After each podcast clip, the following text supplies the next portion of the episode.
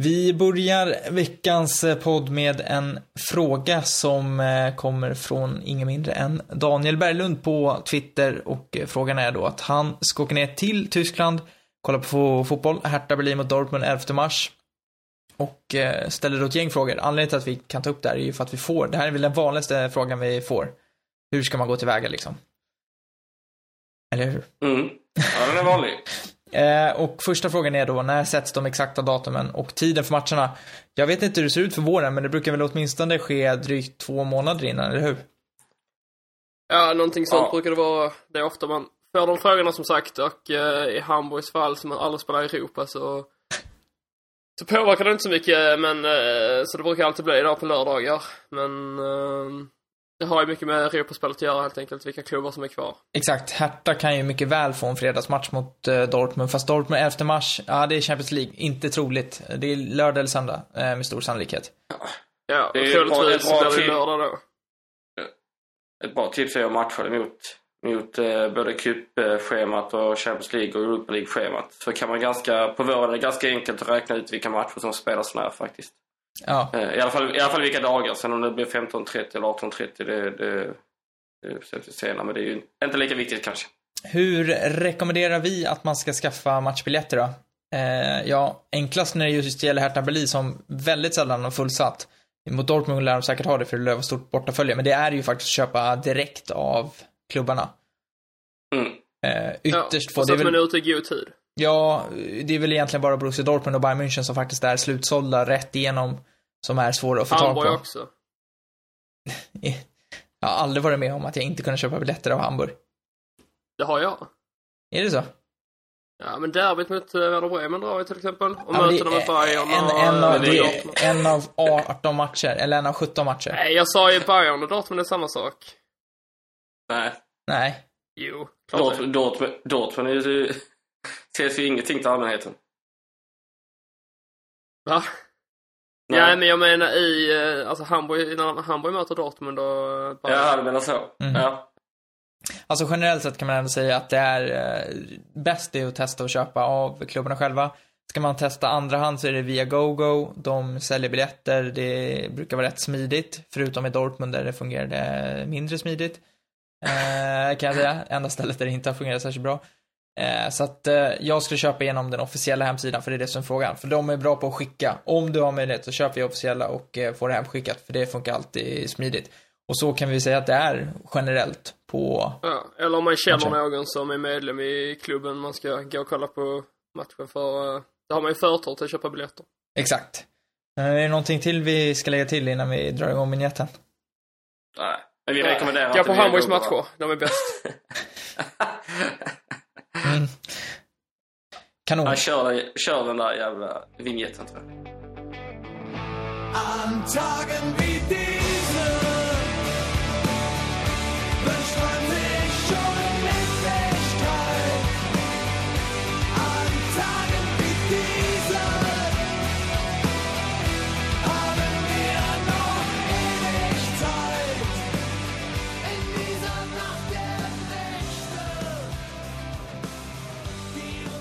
Då är vi igång med eh, veckans podd och eh, vi ger ordet till Filip nästan mer eller mindre, för du har ju faktiskt varit nere i Tyskland den här helgen. Berätta. Ja, jag kom hem för en halvtimme sedan. Ja, vilket... Eh, du har, ju, du har ju sett tre matcher men inga mål, vilket är komiskt bara det. Men berätta, vad... Hur... Ja, vad såg du? Vad gjorde du? Jo, jag såg som sådana här tre matcher. Det började på fredagen med Eintracht Frankfurt mot Hoffenheim som väl var höjdpunkten. Och eh, kom ner till Frankfurt på torsdagen. Jag åkte tillsammans med Axel Falk som skriver för, eh, för Frankfurt-redaktionen på Svenska fans. Så han hade lite koll på läget. Han har ju och, också ett av de bättre Twitternamnen. Falkfurt. Ja, jag tycker det är väldigt fyndigt. Hette Millennium Falken innan tydligen. Ja, det, det var bättre med Falkfurt skulle jag säga. Ja, men det blir han ju glad över att höra. Mm. Eh, men Frankfurt som stad kan jag bara säga tycker jag är väldigt häftig. Jag har aldrig varit där innan. Eh, men det, man får ingen känsla direkt av att vara i Tyskland med alla de här skyskraporna. Jag har ju sett bilder dessförinnan men aldrig tänkt att uh, ska leva upp till att få den här uh, New York-känslan. Men det fick man faktiskt när man var där. Uh, så det tycker jag väldigt mycket om. Stora kontraster där med gamla korsverkeshus och uh, skyskrapor. men i alla fall, så på fredag var det ju match.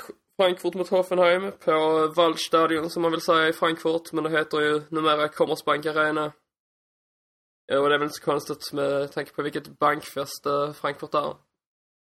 Men vi tog oss ut till arenan i alla fall. Det var sjukt mycket folk. Påminner väldigt mycket om när man ska se en match i Hamburg. Och arenorna är ju ungefär lika stora och, och det var väl, tror jag, 47 eller 50 000 på, på plats. Och det var ju bra tryck inför matchen och sen så dog det lite under matchens gång. Och det har jag full förståelse för, för domaren var ju genomusel.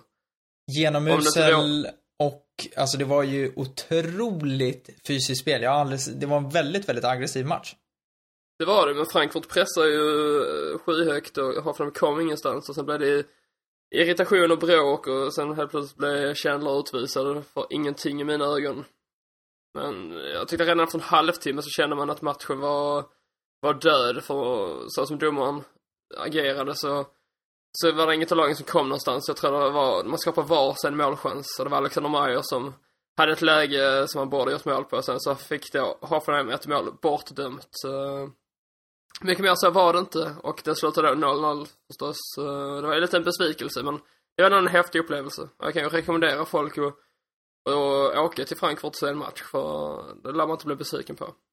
Nej, det, men sagt 0-0 och eh, bara så här generellt, vad tyckte du? Det är ändå två av lagen som verkligen har överraskat den här säsongen, Hoffenheim och eh, Frankfurt. Eh, kan du förstå varför de ligger så högt upp i tabellen som de faktiskt gör?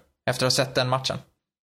Efter att ha sett Frankfurt kan jag i alla fall, för jag tyckte de var väldigt bra. Som sa att de pressade högt, eh, lät inte Hoffenheim komma någonstans, var hela tiden först på bollen och, och, och man ville skapa någonting men man kom ingenstans. Tack vare då domaren som blåste så fort en Hoffenheim-spelare låg ner. Uh, och Hoffenheim tyckte jag inte kom upp i någon vidare kapacitet, men det vet vi ju alla att de, uh, att de kan om de vill. Men i den här matchen kändes det inte som att de ville. Uh, men jag vet inte, annars kan man inte dra för stora växlar på det för jag tyckte inte det var en match. I talat namn borde den faktiskt spelas om. Men det kommer den inte göra. Nej. 0-0 på fredagen. Eh, och nya tag till lördagen, för då väntade vilken match var ni så då? Då åkte vi till Kaiserslautern och så det gamla storlaget FC Kaiserslautern mot Aue, ditt favoritgäng. Ja, jag är medlem i klubben i alla fall. Precis. Så det var lite speciellt och Fritz Walter stadion är ju otroligt häftig måste man säga. Ja, den är väl känd för att vara väldigt, väldigt unik eh, och verkligen någonting. Om man ska uppleva en arena i Tyskland så ska man uppleva den, så jag har förstått det. Ligger inte den typ 100 meter över havet eller något sånt där? Jo, jag ska precis säga att den ligger ju högre upp så man fick ju gå upp för en lång eh, backe för att komma upp till den och, och sen var det så här panoramafönster typ i arenan så man kunde se ut över hela staden. Men jag vet inte om jag hade eh, sagt, om jag hade rekommenderat den arenan som den man måste besöka. Nej, du hade ju rekommenderat uh, Folkparkstadion såklart. Ja, men ja. om jag ska vara helt ärlig nu utan att vara partisk. Då måste jag säga att den arenan är nog en av så mäktigaste i Tyskland. Nej. Vilken folk Kan vi vara överens om det? Nej, nej det kan man absolut inte vara överens om. Uh, Då spikar vi det. Jo, i alla fall. Nej. nej, men jag tycker, jag, den mäktigaste arenan, den är långt ifrån den mäktigaste. Jag tycker dessutom är extremt jobbig att ta sig till, vilket också drar ner betyget. Men det var Frankfurts också. Ja, men eh, jag skulle säga att Folkparkstadion... Vilken arena är lätt att ta sig till då egentligen? Ja, Dortmund Westfalenstadion är superenkel. Den kan man ju gå till. Från innerstan. Ja, Otroligt bekvämt. Dessutom Jag var där på vintern när det var mörkt. Jag hade aldrig varit där innan så jag åkte tunnelbana ut där. Eller Alldeles... nej, tunnelbana nej, finns inte i Dortmund. Men en uh, regionaltåg kanske då. Jag vet inte. Något skit var det. Ja. Ja. Stäng ner hela staden. Nåja, Kaiserslautern. Nåja, nåja. Jag blev lite Ja, vi ser i alla fall mitt bland hemmasupportrarna. Va? Inget. Nej, bra. Vi ser mitt bland hemmasupportrarna men det var ju inte mer än, det var nog under 20 000 på den matchen här för mig. Så det var också lite av en besvikelse och matchen i sig var ju katastrof. Det var inget av lagen som var bra. Jag menar när, när Chaksua var den bästa på planen. Det säger en hel del. Ja, det säger en hel del och det säger en hel del att det är eh, honom du väljer ut av alla spelare också eftersom att han har representerat Hamburg. Ja men det var ju Zoltan Stiber också men han var faktiskt bäst på planen så. Och, och det var, och det var inte på grund av att han var bra utan det var för att alla andra var så genomusla. Mm. Det var nog en av de sämsta matcherna jag sett live. Ja, det var så pass alltså. Faktiskt. Uh, och sen så stämningen var som den var. Man märkte att uh, båda klubbarna ligger risigt till i tabellen. Och resultatet speglar liksom hur det har gått hittills under hösten. Så det är inte mycket att säga om det egentligen. Utan det häftigaste var ju att få se arenan och, och, och så här. Och sen staden Kaiserslautern. Man märkte också att det är, det är fotboll som står högt i kurs där. Jag tror det bor under, strax under 100 000 och arenan tar ju 50 000. Så var man än eh, gick där under förmiddagen, matchen började redan klockan ett. Så var man än gick in så stod där ju folk med Kaiserslautern hade stukade matchtröjor och värmde upp inför matchen. Mm. Eh, 0-0 Kaiserslautern, wow. Det är, det är två lag som har haft eh, en tung höst. Men efter den här matchen så är det ju rätt komiskt eftersom du då ringer upp mig. Ja, eh, sitter på en eh, pub och väntar på att jag ska åka tillbaka till, till Frankfurt och kolla på Hamburgs match då givetvis. Ja, och eh, jag eh, tyckte mig höra att du var lite överförfriskad, men du säger att du har druckit två öl vid tillfället. Eh, ja, två tyska öl. Ja, nej, jag, jag blev ju... Alltså, det är inte varje dag jag ser ditt namn på mobilskärmen, men det var väldigt komiskt och att du hela tiden upprepade med att säga eh, jag hoppas jag inte stör eller liknande. Ja men det är så, det är det intrycket man får när man uh, har kontakt med dig annars. Har, vi har en historik långt, där du... Va? Långt innan den här podden så, eh, så busringde Filip till mig klockan halv fyra gånger på natten också. Har jag gjort det? Ja, det minns jag. Men det var ju många år sedan i så fall. Ja, det var väldigt många år sedan. Busringde jag? Jajamän. Ja, nej. Eller, svarade eller, så trodde, eller så trodde du att jag hade ditt nummer, jag vet inte. Svarade du? Ja, ja. Vad pratade du om? Ja, men jag minns inte. Du var, du, som sagt, det var halv fyra på natten alltså. Ja. Nej, gå vidare. Vi, vi pratar säkert om något trevligt i alla fall. Mm. Bra Men material. i alla fall så, så ringde jag bara för att höra hur läget var och prata lite allmänt om fotboll och sådär. Sen kommer de med något sådär väldigt konstigt förslag till vad podden skulle heta. Men jag sa direkt nej, det kan vi inte ha. nej. Uh, Nej, det var ju det som gjorde att jag också tyckte att det bekräftade min tes om att du kanske hade fått i lite för mycket alkohol med... Eh, Men det, det var ju kul, det måste du erkänna. Du ringer... Men du lät väldigt, du lät väldigt förvånad som sa att du tvättade. Det var väl, det var väl tråkigt sagt. jo, men jag satt ju och kollade lite på fotboll och sen så hade jag tvätttid. Eh, vilket inte är ja. jättekul att prata om, men du, du ringer. Jag satt på en pub i Kaiserslautern och kollade på fotboll. Exakt, och jag hörde dig knappt. Du var lagom upprörd över domarinsatsen i Hamburg-Augsburg och det var där min ut i. Du kommer du ringer och säger att jag har ett förslag eh, på ett namn till podden, men jag tror att du kommer säga nej, så du vet redan innan. Ja, men grejen var att jag och Axel slog vad om att du skulle säga nej. Det var och... jag tvungen att få det bekräftat, att du skulle säga nej. Vem var det, var det du som hade trott att jag skulle säga, säga nej då alltså? Ja, jag, jag tror inte att Axel sa att du skulle säga ja heller, men jag ville mer liksom bara bekräfta att du inte skulle säga Vad var namnet då? Ja, vad var namnet Adam? Eh, namnet var... Horunge Verhaag, så ja, var det. Exakt. Filip hade ju då uh, fått för sig att uh, domaren stod inte för en jättebra insats i, i uh, matchen mellan Hamburg och Augsburg. De, han missade ett ganska givet rött kort på Dominic Kår när Lewis Holtby ja, blev och, utvisad. Holtby skulle inte haft rött där. Jo, det skulle han ha haft, men då skulle Nej, båda haft det. Nej, det skulle han definitivt inte haft. Eh, supergiven armbåge i ansiktet, jätteonödigt. Fast när någon trycker ner ens huvud i marken och sen ligger kvar på den, är det konstigt att de ger en armbåge i huvudet öppen och ska bara ligga kvar och ta det? Nej men det, är, ja, men det är inte det det handlar om. Det handlar inte om vad som är liksom rätt att göra eller inte, utan det handlar om att man får inte göra så. Det är inte det liksom, det är, that's it liksom. Nej men eh, tänk så hade han uh, knäckt nacken på honom och skulle bara accepterat det. Ja, men det var ju inte så farligt. Jo, det var... Det var ju för guds skull inte så farligt. Han höll fast jag. honom lite och det är sånt som sker på fotbollsplan och då drar han till med en armbåge i nyllet. Höll fast honom, han trycker ner honom i planen och ligger kvar på honom. De ramlar ju båda två. Ja, men det är väl så man gör. Trycker ner honom i planen. Nu överdriver du nog hiskligt. Ja, men det gör han ju. Alla ja, som de, folk kan har sett situationen håller med mig. Nej, men så var det ju, så var det ju faktiskt inte. Nu vet du hur jag hade det, Filip, när Emre Mor fick sitt röda. Ja, exakt. Ja, jag förstår samma, det. Samma sak. Men två fel gör inte ett rätt har jag hört. Nej, men Dominic Kors skulle i alla fall bli utvisad samtidigt och då ja. ringer då... Men det blir han ju så småningom. Ja, för att han är så jävla klumpig. Det är otroligt bara det också. Inom Men det, jag ringde minuter. faktiskt efter att eh, han hade blivit utvisad. Ja, du ringer och efter, efter det. Och efter att han hade gjort 1-0. Ja, exakt. För det var ju det som hände. De fick en utvisning, han blev 1-0 och eh, du ringer och eh, du känner väl på dig att det ska komma ett domslut emot. Varav att eh, Ferhang då ska gå upp och sätta en straff. Och då kom du fram till den här fantastiska titeln på podden och ville se om det skulle kunna flyga. Vilket jag sa att jag vet inte om eh, jag tycker det är, eller jag sa väl nej, men jag vet inte om jag tycker det var lämpligt, tror jag jag sa som svar. Om inte annat så säger jag det nu. Och det kan väl Aha. lyssnarna få bedöma vad de tycker om det skulle vara bra. Jag tycker inte det ser sär- särskilt snyggt ut bara. Nej, allting är ju diskutabelt.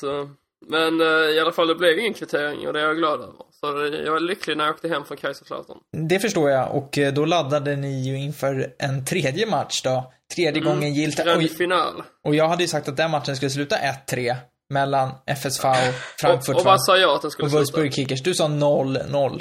Sa, det sa jag. var det roliga var att i, tors, ja, precis, i torsdag så sa jag eh, att jag tror inte att det kommer bli många mål denna helgen. Så sa jag att det kommer bli 1-1 mellan Frankfurt och Hoffenheim. Det kommer bli 1-0 till Aue och det kommer bli 0-0 i den här matchen då mellan Sandhausen och Wolfsburg Kickers. Eh, och efter då att det blivit 0-0 mellan Frankfurt och Hoffenheim så sa jag innan matchen mot Kaiserslautern att det här kommer att bli 0-0, jag är helt säker. Mm. Och Och det blev det mycket riktigt. jag, i- jag hade gärna velat veta vad oddset hade varit om du hade spelat tre 0-0 matcher inför den helgen. Hur mycket du hade fått ut på det, för det är nog rätt mycket pengar. Eh, Alltså, jag tror ni att det någonsin har hänt att det är någon som har åkt på en sån här helg där man har kunnat se tre matcher på tre dagar och samtliga har slutat 0-0? Oavsett vilket land och division och, och så. Alltså jag försöker komma på att jag, om jag ens har varit i Tyskland och sett en 0-0 match. Jag tror faktiskt jag aldrig har varit med om det om jag ska vara helt ärlig. Nej, jag har i alla fall, men eh, alltså innan den här resan då också.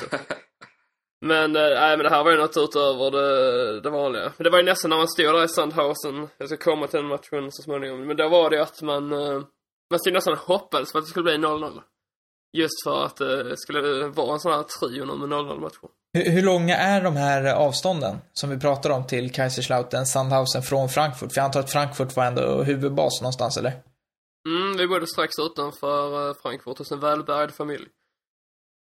Mm. Det är viktigt att, att punktera. Nej men, uh, men sen, uh, ja, men sen tog vi då bussen till Kaiserslautern, tog typ två timmar och två timmar tillbaka. Och sen så åkte vi buss till Heidelberg på uh, söndagen, ja det var det ju, det var igår.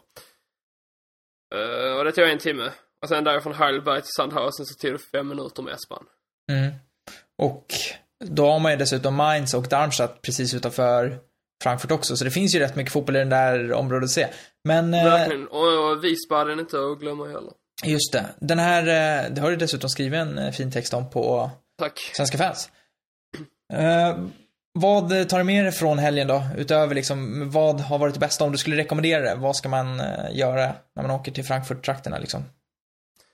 Förutom att gå runt och turista i stan som jag kan rekommendera alla att göra så är det väl att se en match helt enkelt med Eintracht på plats. För det var eh, grym stämning och, och så som de har spelat tidigare den här säsongen så bjuds man förmodligen på bra fotboll i eh, nio av tio fall. Jag menar, de hade inte förlorat en hemmamatch inför detta mötet och det gör de inte nu heller men men eh, det har varit väldigt eh, bra matcher som har spelats där. Så åk till Frankfurt, se en match på Waldstadion och njut av stämningen. Vad tar du med dig från Sandhausen som, som, som du vill dela Ja. med dig av? Herregud, alltså strax över 4000 åskådare, ligger mitt ute i skogen. Redan när man kommer till Sandhausen så känner man av det här inskränkta liksom. Man är inte riktigt välkommen känner man. Nej. Och, och, det, och arenan den tar ju 15 000, påminner väldigt mycket om den allsvenska arenan liksom, typ Parken i Norrköping kanske. Ehm, Men det var ju bra stämning, både från, vi ser ju hemmalagets klack där också. Och den läktaren var uppdelad efter tre olika supportergrupper. Eller grupper och eh, det var ju typ fem medlemmar i varje grupp. Men man fick ju inte stå där de stod. Men vi ställde oss ännu längst uppe där det var någon Kommer inte ihåg, hade uh, ha, Braveheart hade de som, eh, han Mel Gibson från Braveheart när han uh, skriker, hade de som sin logga. Vad fan heter de? Hartwald eller något sånt. Det heter arenan, Hartwaldstadion. Mm. Uh, ja, skitsamma men uh, Men det var väldigt mycket så här blickar och, och, så, och det var en som kom lite senare så var jag, vilka är de två där uppe? Och de hade jag ingen aning. Eh, så vi fick flytta sen i paus. Men eh, nej jag vet inte, det är väl inget, det är väl inget ställe jag kan rekommendera folk att åka till. Däremot känns det väldigt kul att ha varit där. Det, vet du vad det roliga är här, Andreas? Det är att Filip, innan vi började spela in, så skickade han till mig, det här vill jag ha med i podden. Och så var det Sandhausens hymn, och han lyckas inte Ja, men nämna vi den en enda gång. också. Jo, Ja, och det det jag skulle säga så om det är någonting jag ska ta, ta med mig från Sandhausen så var det deras hymn. Ja, absolut. Och, eh, Alltså, ja. ja men citatet är sin die Farben der Nation. Alltså det, kän, det kan inte bli mer tyskt än så. nej, och sen det- hade de en jävla grävling som maskot. Alltså vad är det? Ja, nej, det, jag, jag vet faktiskt inte. Eh, jag vet inte, men jag tycker att vi kan lägga in en liten snutt i alla fall av hymnen så att ni förstår vad det var Filip upplevde.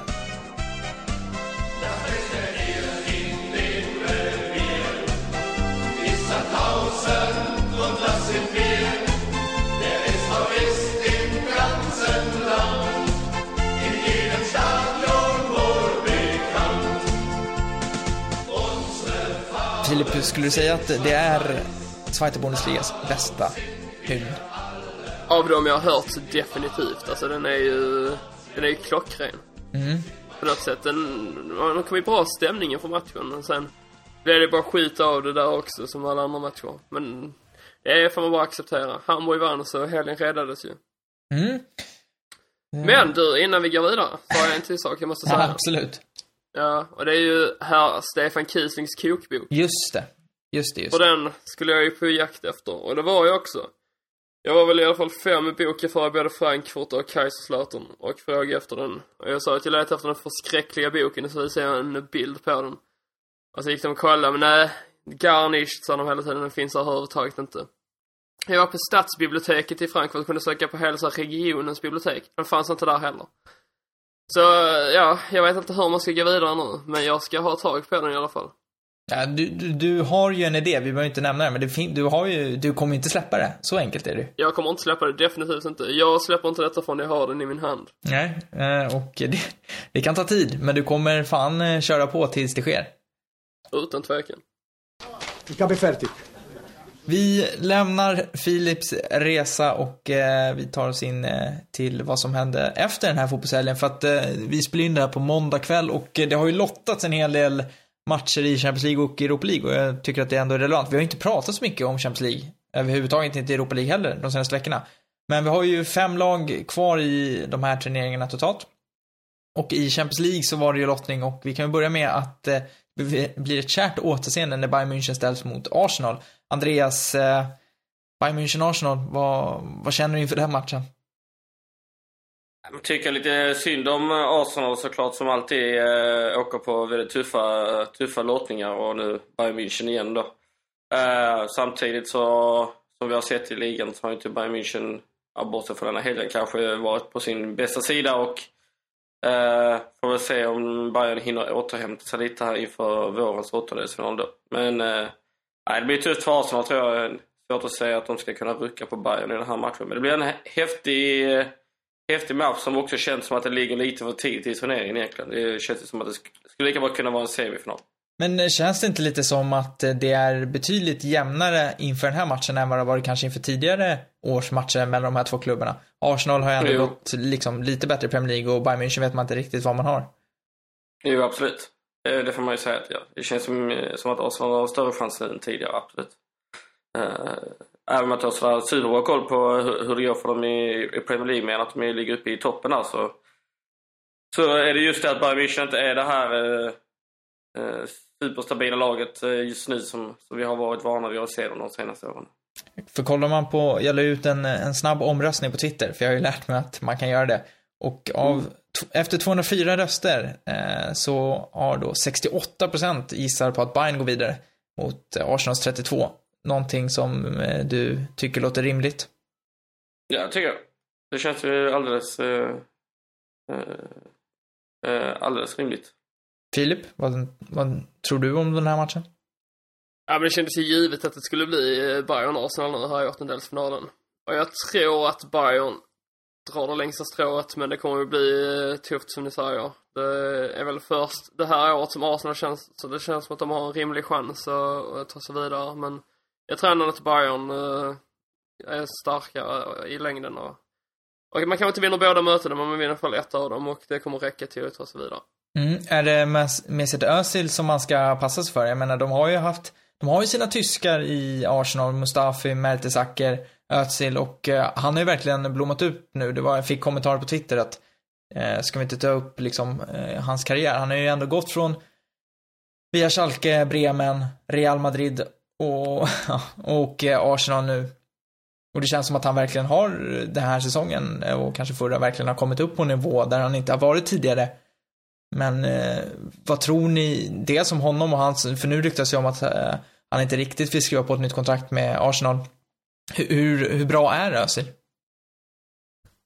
Tydligen så gör han ju en av sina bättre säsonger nu och han kanske är på toppen av sin karriär. Men sen samtidigt, var ska han gå? Han har ju varit i Real Madrid och där funkar det inte riktigt. Eller kanske det gjorde egentligen. Jag vet inte varför han lämnade egentligen. Det var han... väl inte att han var dålig direkt, men... Nej, han var väl bra där också. Det var bara att konkurrensen var stor och han, det, han var väl en av de som blev tvungen att gå på något sätt. Det var väl kanske inte att Real Madrid ville offra honom. Men att i mängden så var det han som fick gå när de tog in, eh, kan det ha varit James Rodriguez eller Angel Di Maria något sånt? Ja men exakt. Men frågan är ju vilken klubb han skulle gå till i så fall. I England känns det inte som att han skulle gå till något annat lag och i Tyskland i så fall, han går inte till Bremen, jag kan inte säga att de går till Schalke heller, så är det Bayern. Nej, Gnabry, Gnabry är ju Bremen nu så Exakt. Ska... Ja, där finns ju likheter. Ja, nej, men det blir spännande i vilket fall att se vad eh, Arsenal, om, hur mycket de kommer kunna störa Bayern. Men känslan är att Bayern ändå är favoriter trots att ja. och, och Bayern har ju en, en fördel där tycker jag genom att börja på hemmaplan faktiskt. Ser du det som en fördel? Ja, men jag gör det faktiskt. Ja, de, eh, förklara gärna.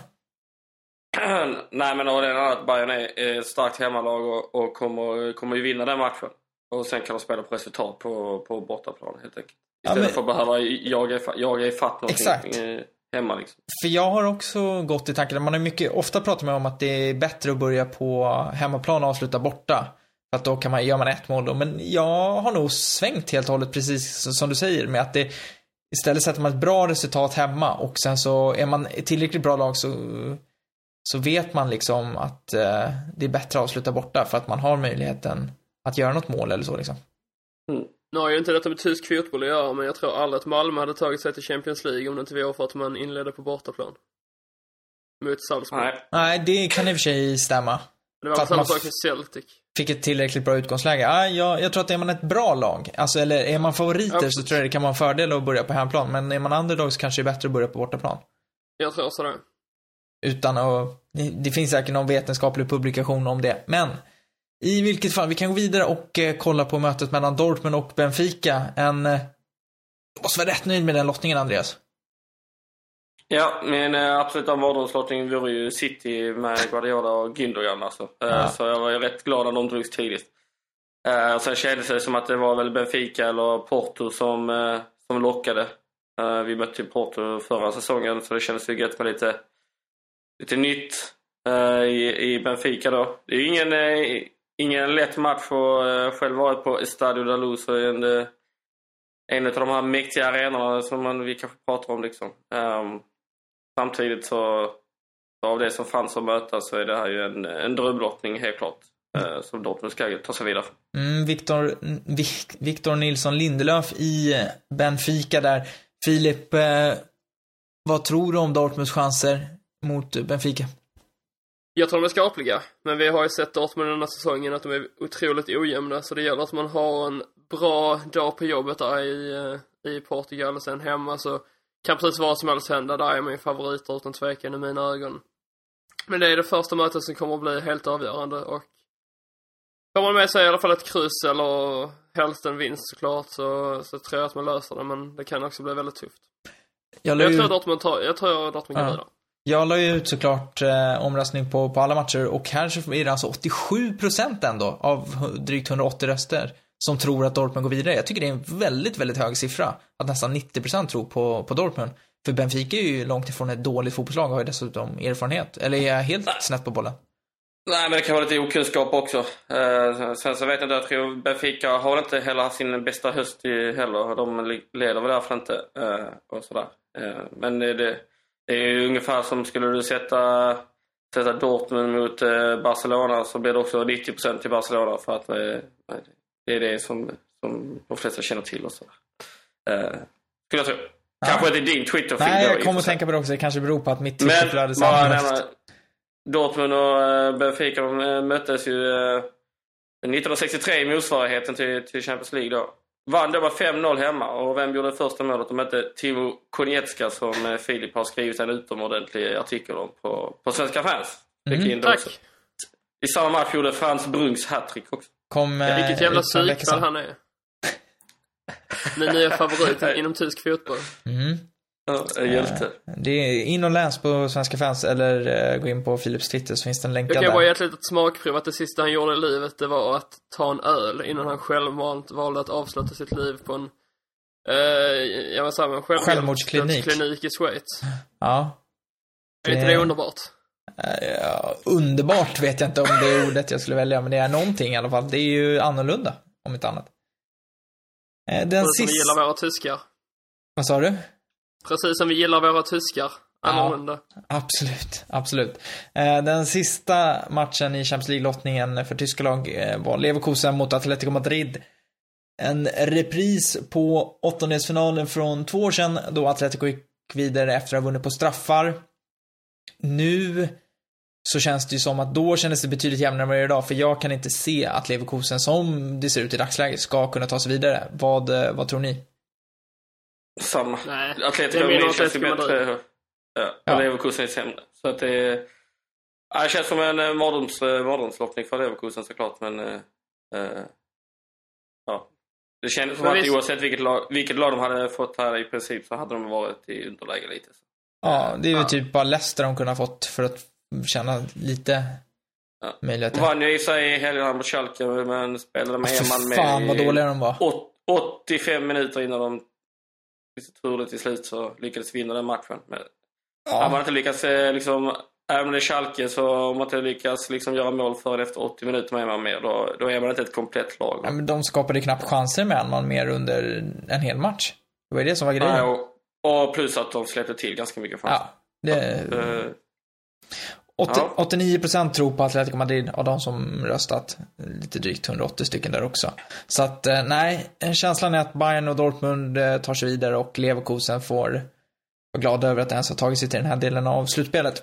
I Europa League så var det två tyska lag. Det var Schalke och det var Mönchengladbach. Och Mönchengladbach kommer ju från att ha slutat tre i sin grupp i Champions League. De stötte på Fiorentina. Långt ifrån den klubb jag tror att de hade önskat sig på förhand. Eh, vad eh, tror ni om chansen där? Vi börjar med dig Filip. Jag tror inte att Gladbach reder ut detta i och med hur illa det har sett ut. Men i och för sig, man spelar inte matcherna förrän i, eh, i mitten av februari. Så mycket kan ju hända till dess. Vi har ju ett transferfönster som slår upp sina portar här om mindre än en månads tid. Eh, Men nu vann de ju visserligen i helgen här mot Mainz, men det var ju faktiskt inte rättvist man gjorde det. Men annars har man, vad var det, sju eller åtta matcher och man har gått eh, utan seger så. Mm. Så Gla- Gladbach ser inte alls bra ut och jag har väldigt svårt att, att säga att man skulle eh, slå ut Fiorentina här faktiskt. Kommer. Jag tror- Ja, förlåt. Kör. Nej, jag, tr- jag, jag, tror, jag tror motsatsen här. Ja. Eh, eller motsatsen. Jag tror att Mönchengladbach kommer kunna reda ut det här faktiskt. Just för att de är ett väldigt starkt, starkt eh, hemmalag medan eh, Fiorentina är inte ett lika starkt hemmalag. Eh, och, och så sett liksom. Eh, så länge man kan hålla ihop det på bortaplan så tror jag att eh, Mönchengladbach verkligen kan eh, eh, ändå kan, eh, kan ta, ta sig vidare mot Fiorentina. Då. Tror ni att Anders Schubert kommer sitta på tränarbänken när de här matcherna spelas? Det får jag inte hoppas. Ja, men man börjar ju tro det nu. I och med att det inte har hänt någonting och nu slog Mainz här liksom. Eh, Men hade de inte Vet slagit Mainz så är, inte, så är frågan om man inte hade fått uh, gå faktiskt. Och de skulle ju inte ha vunnit mot Mainz, för att Nej, det Mainz fick... Det, det målet som dömdes bort för Mainz i den 88 minuten, det var... Det, det är ett av de konstiga... Jag vet inte hur domaren i efterhand skulle kunna motivera att det målet skulle dömas bort, för det var helt felaktigt. Det har ju varit väldigt mycket konstiga domslut den här omgången i Bundesliga får man säga. Ex- Sju röda kort och väldigt, väldigt många och konstiga domslut generellt sett, helt klart. Men... Ingolstadt, Leipzig dessutom tre gula och ett rött i samma sekvens. Ja, eh, ja nej, det, var, det var fascinerande faktiskt. Eh, men eh, Andreas tror att Mönchengladbach reder ut det. Filip tror inte det. Jag eh, ställer mig nog på Filips sida och tror att det här blir jobbigt. Och sen så har vi då Pauk mot Schalke och eh, där säger jag att Schalke är jättefavoriter. Jag har ingen koll på Pauk längre alltså. Nej, jag har aldrig haft koll på dem, men det känns som Jag att hade, jag, hade, jag hade koll på dem under en kort, kort tid när de mötte Dortmund i Europaspelet. Men eh, jag har ingen aning hur bra de är eller dåliga de är faktiskt. Men eh, Schalke just nu är ju riktigt eh, halvdana egentligen. Eh, så, eh, ja fan. Ja, det är ju tufft där nere i Grekland alltså. Det är ju det. Ja. Nej men kollar man på lagen som Schalke hade kunnat få så ska de ju vara tacksamma över att man fick Pauka. Det kunde blivit Manchester United, det kunde ha blivit... Det kunde ju, nej det hade ju inte kunnat bli Gladbach, men det hade kunnat bli Athletic Bilbao till exempel. Så jag tror jag nog att Pauk är, det är överkomligt och jag tror också att man tar sig vidare där. Schalke har Varför? vaknat till nu. Varför är du så övertygad av det? Nej, Om man Schalke men- går vidare eller? Ja, Eller dels vann de, de vann ju alla matcher i gruppspelet om jag inte är helt ute och cyklar. Och nu så blev det ju Förutom med. Salzburg i slutet. Ja, okej. Eh, men de gick Men ju som på tåget där. Så. Och eh, det kändes som att, det, det känns som att de är helt klart på bättringsvägen. Nu gick det ju, förlorade som vi nämnde mot Leverkusen, men det var ju, det var ju, när man har en utvisad efter tre minuter så är det inte konstigt, kan jag tycka. Men eh, nej, jag, jag tror att de är så pass bra. Och eh, Pauk mötte väl Dortmund förra året, om jag inte minns fel, i Europa League. Mm. Och jag imponerades inte jättemycket då av dem, för Dortmund gjorde två rätt dåliga matcher mot dem. Jag tror de till och med tappade poäng mot dem, kanske i båda matcherna. Men... Eh, e- ena tror jag. Ja, eh, och eh, nej, jag, jag tror på Schalke. Jag tror att de är tillräckligt bra. De har tillräckligt med individuell klass för att fixa det. Men det är aldrig lätt att möta grekisk lag, inte minst på bortalag, eh, bortaplan, där det brukar vara bra tryck. Men eh, därför tror jag på Schalke. Och som vi har pratat om så har det ju skett väldigt, väldigt mycket saker i, i Bundesliga under helgen. Jag vet inte vad som är mest häpnadsväckande, men att Ingolstadt, det här pratade du och jag Filip, eh, var det när vi pratade i telefon? Ingolstadt och. Leipzig. Ja, och då pratade vi lite om, vi är väl rörande överens om att vi borde ha förutsett någonstans att Leipzigs första förlust skulle komma mot Ingolstadt. Eh, på något sätt. Åtminstone så var jag övertygad om att Ingolstadt skulle ta poäng. Och det gjorde man ju i, i och med att, nu att man vann. Men jag trodde faktiskt att man skulle eh, spela oavgjort mot Leipzig här, men... Men nej, full pott blev det. Och det är bara att lyfta på hatten till Ingolstadt. Ja, som verkligen eh, liksom, de börjar ta sig uppåt. Eh, de flesta lagen i botten vann ju förutom Wolfsburg, men eh, det man ska bara med Ingolstadt att Leipzig skapade sina lägen, ska man ju verkligen säga, och Emil Forsberg borde faktiskt ha gjort mål. Men Alltså min tes är ju någonstans att när Leipzig möter ett lag som inte bjuder till, vilket Ingolstadt inte gör, för Ingolstadt vill inte spela någon större fotboll. De, de hade, jag tror de hade 30% av bollinnehavet. Jag tror Leipzig, om man kollar på deras tidigare siffror så tror jag de inte ens har varit nära 70% i någon match. Och när då de behöver styra spelet och inte kan gå på snabba omställningar, kontra, hitta ytor på samma sätt, då får de det betydligt svårare. För då måste man kunna föra spelet, man måste kunna hitta ytor när motståndaren absolut inte vill det. Och därför, det tror jag var en av de stora anledningarna till att, att Leipzig eh, förlorade. Utöver att man också missade då en hel del vassa chanser. Men eh, kombinationen där, tror ni jag är lite på rätt spår? Ja, absolut. Sen ska vi också komma ihåg att Hasenhüttel var i uh, Ingolstadt förra säsongen. Så Mm. spelarna känner ju till hans filosofi väldigt väl. Så Han är typ visste slagen av sig själv. Göra. Precis. Ja, men det skulle man faktiskt kunna säga. Eh, det är väl inte många som sörjer att Leipzig åkte på sin första förlust tror jag. Samtidigt liksom när man har, har slagit liksom princip varenda lag på, på vägen liksom och eh, lag som Dortmund och Leverkusen och Schalke och så vidare så är det svårt att vänta sig att man ska förlora mot ett lag som inlett säsongen så katastrofdåligt som Ingolstadt har- gjort. Men det är kanske också ett tecken på att Leipzigs lag kanske inte är så individuellt starkt heller utan det hänger mycket på att man får spela sitt spel. Uh, uh, annars hade man ju på rent individuell uh, överklasshet kunnat, kunnat besegra Ingolstadt tror jag. Mm. Och förlusten för Leipzig betyder att de nu tappar serieledning till Bayern München som slog Wolfsburg med 5-0. Och till följd av den här förlusten så fick idag, bara för någon timme sedan, så blev det väl officiellt att Klaus Alof får lämna som sportchef i Wolfsburg. Vilket är, får vi säga, väldigt eh, intressant att se vad som kommer ske i den klubben. Tycker ni det är rätt att han får lämna? Ja, med tanke på hur dåligt han har gått för Wolfsburg sen man sålde Kevin De Bruyne.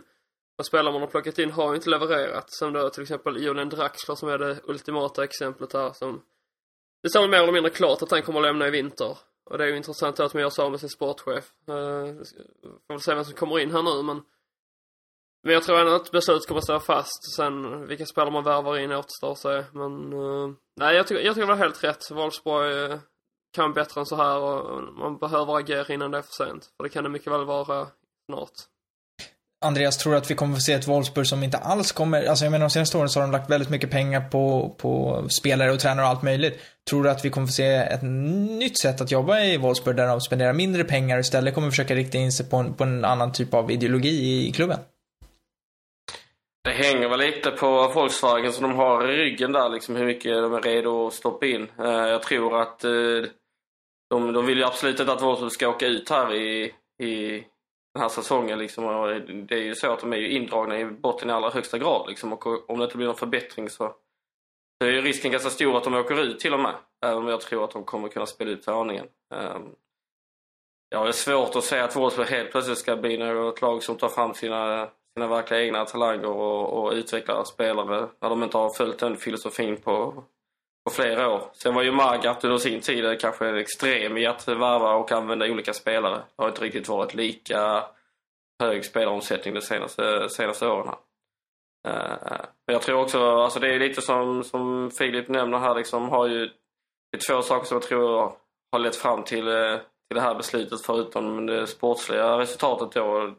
Det är den här eh, osämjan med lagets stora stjärna Julian Draxler som har Uh, Allos har inte direkt varit den som har lyssnat på honom och sen så är det också att det här att man sparkade Dieter Heking har inte heller uh, visat sig vara någon uh, framgångsfaktor liksom. Uh, och där, nu blir det lite som en, uh, en vad kallar man det, en uh, dominoeffekt här när man först sparkar tränare, sen sportchef och snart så, så vet man inte vad man ska göra för att, för att vända det här uh, seglet. Så jag för, för Wolfsburgs del hoppas att eh, det, det lyfter nu här med en ny, ny sportchef. Han eh, gjorde ju sin stora karriär i, i Bremen tillsammans med Thomas Schaaf.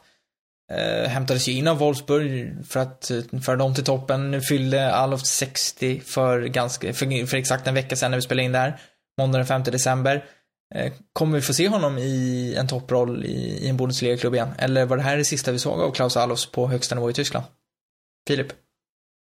Det skulle inte förvåna mig ifall han återvänder till Bremen. Men det har man ju sagt om Thomas Schaff också. Men Alofsson han är ju, han är väl lite mer rampljuset här och lite hetare än vad Schaff är som tränare. Inte Alof som tränare där utan som sportchef givetvis.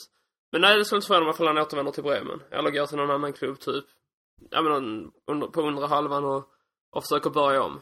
Men annars har han är ju 60 bast liksom så han kan ju med all rätt också dra sig tillbaka nu. Vet du vilka som söker sportchef? På den undre ja. halvan i Bundesliga. Det vet jag mycket väl. Det är tredje formstarkaste laget i ligan. Ja, Hamburg som även de har eh, Ja, dels att de vann för andra gången eh, den här hösten och det då eh, andra matchen i följd. Första ja, gången... Ja, att man inte har förlorat vilket gör att man är det tredje formstarkaste laget i ligan. Kan vi inte bara liksom fokusera på det? Första segern på hemmaplan på väldigt, väldigt länge. Och sen så kommer då söndagen Allting i lugn och ro. Och då har man gjort sig av med Dietmar eh, Beersdorfer och Inska Herbert Bruchhagen, eller Beersdorfer fortsätter ett tag till. Men eh, ordförande slash tillförordnade sportchef eller vad man ska kalla honom, han eh, ryker all världens väg och eh, det kändes inte bra för dig Filip. Det läste jag på Twitter. Mm, det känns väl aldrig bra när man gör så stora förändringar. Sen hoppas man ju på, eller givetvis att det ska bli bra men efter alla dessa år som har varit så är det bara så svårt att se det. Och nu kan det knappt bli värre än vad det har varit. Och det är liksom då att man åker ner i ligasystemet här.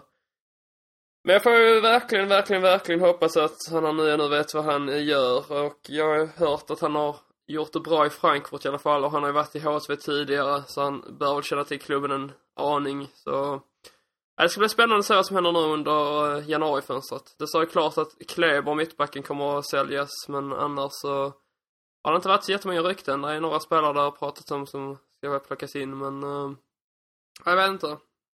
Det Kommer han sparka Gistel? Vad sa du? Kommer han sparka Gistel? Nej, alltså det är ju lite tråkigt om man ska säga med vårt vad här, vad det har vänt snabbt. Inför ja. Hoffenheim-matchen här, när det blev 2-2 så var jag ju övertygad om att förlorar man den så skulle han uh, få sparken Gistel, men nu har man ju fyra matcher utan förlust och jag kan ju aldrig tänka mig att han uh, kommer sparkas nu. Alltså, han har inte suttit så säkert som jag just nu någonsin i Hamburg. Så... Men det, det, det var inte förrän i mars vi, var det går ut, så vi får se vad som händer. Det var länge sedan en tränare satt så säkert i Hamburg som Gistol gör just nu. Och det säger rätt mycket om situationen, för han sitter ju inte jättesäkert, ska vi ändå... Han sitter ju förhållandevis tryggt, men inte jättetryggt. Nej, Men- men, det är som vi har pratat om med många andra klubbar som söker tränare, att där finns ju inte så många att välja på, så förmodligen Nej, sitter han nog eh, ganska så tryggt nu, ja. Mm, och en ny sportchef eh, ryktas nu kunna bli, eh, tyckte mig läsa Horst Helt eh, i någon tidning som sägs, han var ju ett alternativ tidigare, men Bergsdorfer ska ju ha haft, hans intervjuer ska ha varit under all kritik enligt de som har blivit intervjuade av honom, men nu sägs att Horst Helt skulle komma in, som var i Stuttgart och lämnade Schalke i somras. Så att, vem Mm. vet, det, det kan vara så att Hamburg är på väg mot en lite mer professionell tillvaro som klubb. Nu ska vi inte skena iväg här, men vi, vi håller tummarna givetvis. Mm. Eh, som sagt, det har skett eh, mycket inom den tyska fotbollen. Är det någonting annat som ni vill plocka upp från helgen? Ja, att det gjorde så fruktansvärt lite mål. Mm. Du eh, nämnde det för, eh, för oss eh, båda, om jag inte är helt ute och cyklar på vår WhatsApp-chatt. Lägsta sen, vad sa du?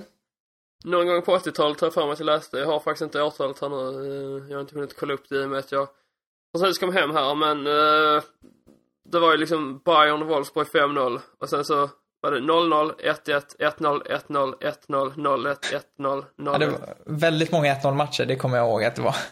Ja, Typiskt Serie nio mål förutom, nio mål förutom Bayerns match mot Wolfsburg. Där blev det fem. Det sa en hel del. Men eh, vad, vad läser du in i det här då? Jag har ju tagit upp detta för tidigare med. Mm. Det var väl några veckor sedan nu där jag sa att Bundesliga kanske går mot en tid där målen inte duggar så tätt som det gjort tidigare. Om det är någonting som tysk fotboll har varit känt för så är det ju att det blir mycket mål och det är anfallsglad fotboll. Och anfallsglad fotboll är det fortfarande, men det görs mindre mål. Det är jag övertygad om. Och vi får väl kolla upp lite statistik på detta så kanske det kan vara ett samtalsämne i framtiden här men jag tror att vi kommer få se eh, fler jämna matcher framöver och det är väl denna omgången ett bevis om något på. Mm, Andreas, hur ser du på tendensen att eh, det görs färre mål i Bundesliga? Nej, jag har ingen eh, direkta, eh, direkt svar Du har på inte, det. du har inte gjort någon från större Filip. analys, du har inte åkt hem från jobbet och tänkt... Nej, nej och... jag grubblat över det. Om vi ska, nu ska se framöver här så är det Hoffenheim Dortmund på fredag utan eh, Sokratis i backlinjen. Så där kan jag lova er att det blir minst fyra mål den matchen. Men jag kan inte förstå det där. Jag, bara, Sokratis, jag har läst jättemycket om Sokratis och det har stått mycket om honom. Jag har aldrig uppfattat Sokratis som en särskilt bra mittback. Nej, då har du kollat för lite. Nej men alltså, förlåt, men jag vet inte Filip, du kanske inte alls med men jag har sett Sokratis ändå genom åren och visst tycker jag att han är rätt okej, men att han skulle vara så viktig för Dortmunds försvarsspel, eller för, alltså då, det säger ju väldigt mycket om, tycker jag, om Dortmunds försvarsspel, för jag skulle inte säga att han är topp fem bästa mittbackar i Bundesliga. Nej, han har ju inte direkt ersatt Hummels kan man inte påstå. Och nej, men jag håller helt med. Jag tycker han är väldigt överskattad. Eh, Men det är ju hela klubben Dortmund så det passar ju bra. Ja, men vad fan. Nej, men alltså? Sokratis varvades, varvades ju från, ja, från Bremen för, för 10 miljoner euro eller någonting. Och just då så eh, absolut, då var, han, var det inte många som såg honom som någon, någon stor mittback och, och sådär. Jag tycker inte att man ska jämföra honom med Hummels heller för att han värvades inte som en ersättare till Hummels. Eh, Bartra däremot kom ju i det, i det skedet och han har ju en helt annan spelstil än, än Hummels också. Och han har ju verkligen mycket att öva på defensivt. Det är ofta han som, eh, som sviker. Sokrates är grymt bra eh, defensiv eh, mittback som är tung att möta. Eh, som verkligen har vuxit fram som, som en av de bättre spelarna i Dortmund. Och, eh, Och ändå går torskar varannan match. Vad sa du? Jag sa ändå går ni torskar typ varannan match. Nej, det är väl till att ta i, men det har ju varit allt annat än stabilt i backlinjen kan jag tycka. Absolut, men jag skulle inte hänga ut Sokratis för det. Det Jag skulle snarare hänga ut, skulle snarare hänga ut resten av eh, eh, försvarslinjen och, och det faktum liksom att, eh, att eh, Björken var skadad och sådär. Sokratis har varit en jätte i försvaret och han, han ses som eh, förmodligen eh, ja, en av de tre viktigaste spelarna i startelvan utan tvekan. Det är Ja. konstigt att ni den här säsongen, det bara i tre matcher när jag släppt in mer än ett mål. Det känns inte som att det speglar säsongen på något sätt. Det är mot Ingolstadt så blev det 3-3. Sen torskade mot Leverkusen med 2-0 och sen så var det mot Hamburg, det glömmer vi ju inte. När ni eh, vann lite turligt med 5-2 där, när ni släppte in två snygga mål från Nikolaj Müller. Ja. Det vill jag bara få sagt. Nu går vi vidare. Ja, jag, som sagt, jag, ska, jag måste följa upp det här med Sokrates, men jag, jag, jag tycker att det är, um, ja, det säger lite om uh, Dortmunds försvarslinje, tycker jag. Men vad säger Jag du? tycker, det är, jag tycker med- det är jävligt orättvist alltså. Nej, det är vi inte. Men Adam, vad säger du om det här med att det, blir, att det är mindre mål nu än vad det var tidigare? Ja, alltså dels så beror det väl på att eh, lagen som kom upp, framförallt kanske förra säsongen, alltså Darmstadt, eh, Ingolstadt, eh, Freiburg till viss del, är ju inte lag som satsar kanske främst på det offensiva på det sättet som, som andra nykomlingar liknande har gjort. Alltså det, det är inte det här klassiska liksom tyska starka tempot, utan det är mer där att man backar hem och slår långt och täpper till ytor. Och de som har varit framgångsrika annars, nu på sistone, alltså Hertha Berlin, tänka på Köln, de har ju gjort det genom att täppa till bakåt snarare än att göra mycket framåt. Så att det finns ju en hel del klubbar just nu i Bundesliga som inte spelar liksom en särskilt eh, öppen och offensiv fotboll. Och att det inte gör så mycket mål borde ju Eh, liksom vara en tendens av det. Det, fin- det finns, om man kollar på den lista vi har över liksom i tabellen, så är det ju ytterst få lag som jag just i dagsläget förknippar med en liksom extremt vass offensiv. Det är ju Bayern München, det är Dortmund, det är Leipzig som har överraskat, eh, Hoffenheim till viss del. Eh, sen så har de här Mönchengladbach, Leverkusen, Schalke har ju underpresterat, men i, Wolfsburg. Men eh, annars är det ju inte särskilt målglada lag. Alltså, jag, jag tänker inte Mainz och Köln som kanske liksom klubbar som gör mycket mål, eller Frankfurt för den delen heller. Alexander Mayer. Alltså att jag äntligen fick se honom live också. Det var det bästa med hela resan förresten. att Sandhausen hade en grävling. Sandhausens mål, eller uh, hymn och sen så att jag fick se Alexander Mayer spela. Mm. Grävling. Du fick se Örnen också i Frankfurt. Usch ja, det tyckte jag inte om. Ja, Jag tycker den är lite häftig. Kommer inte ihåg vad den heter bara för det, men eh, ja. Men den flög ju inte runt. Gjorde den inte det? Nej, jag tror inte det i alla fall. Jag tror bara att de gick ut med den och visade upp den liksom. Ja. Det är kopia på, visst är det, La- det är Lazio som har det där i Italien va? Nej, men det är inte ett lag i Portugal som har det. Benfica. Är det Ja, inte? Benfica. Ja, men jag tror att Lazio också har en... Nej. eh, Jo, Lazio, Benfica och Frankfurt har en. Vilken otrolig koppling.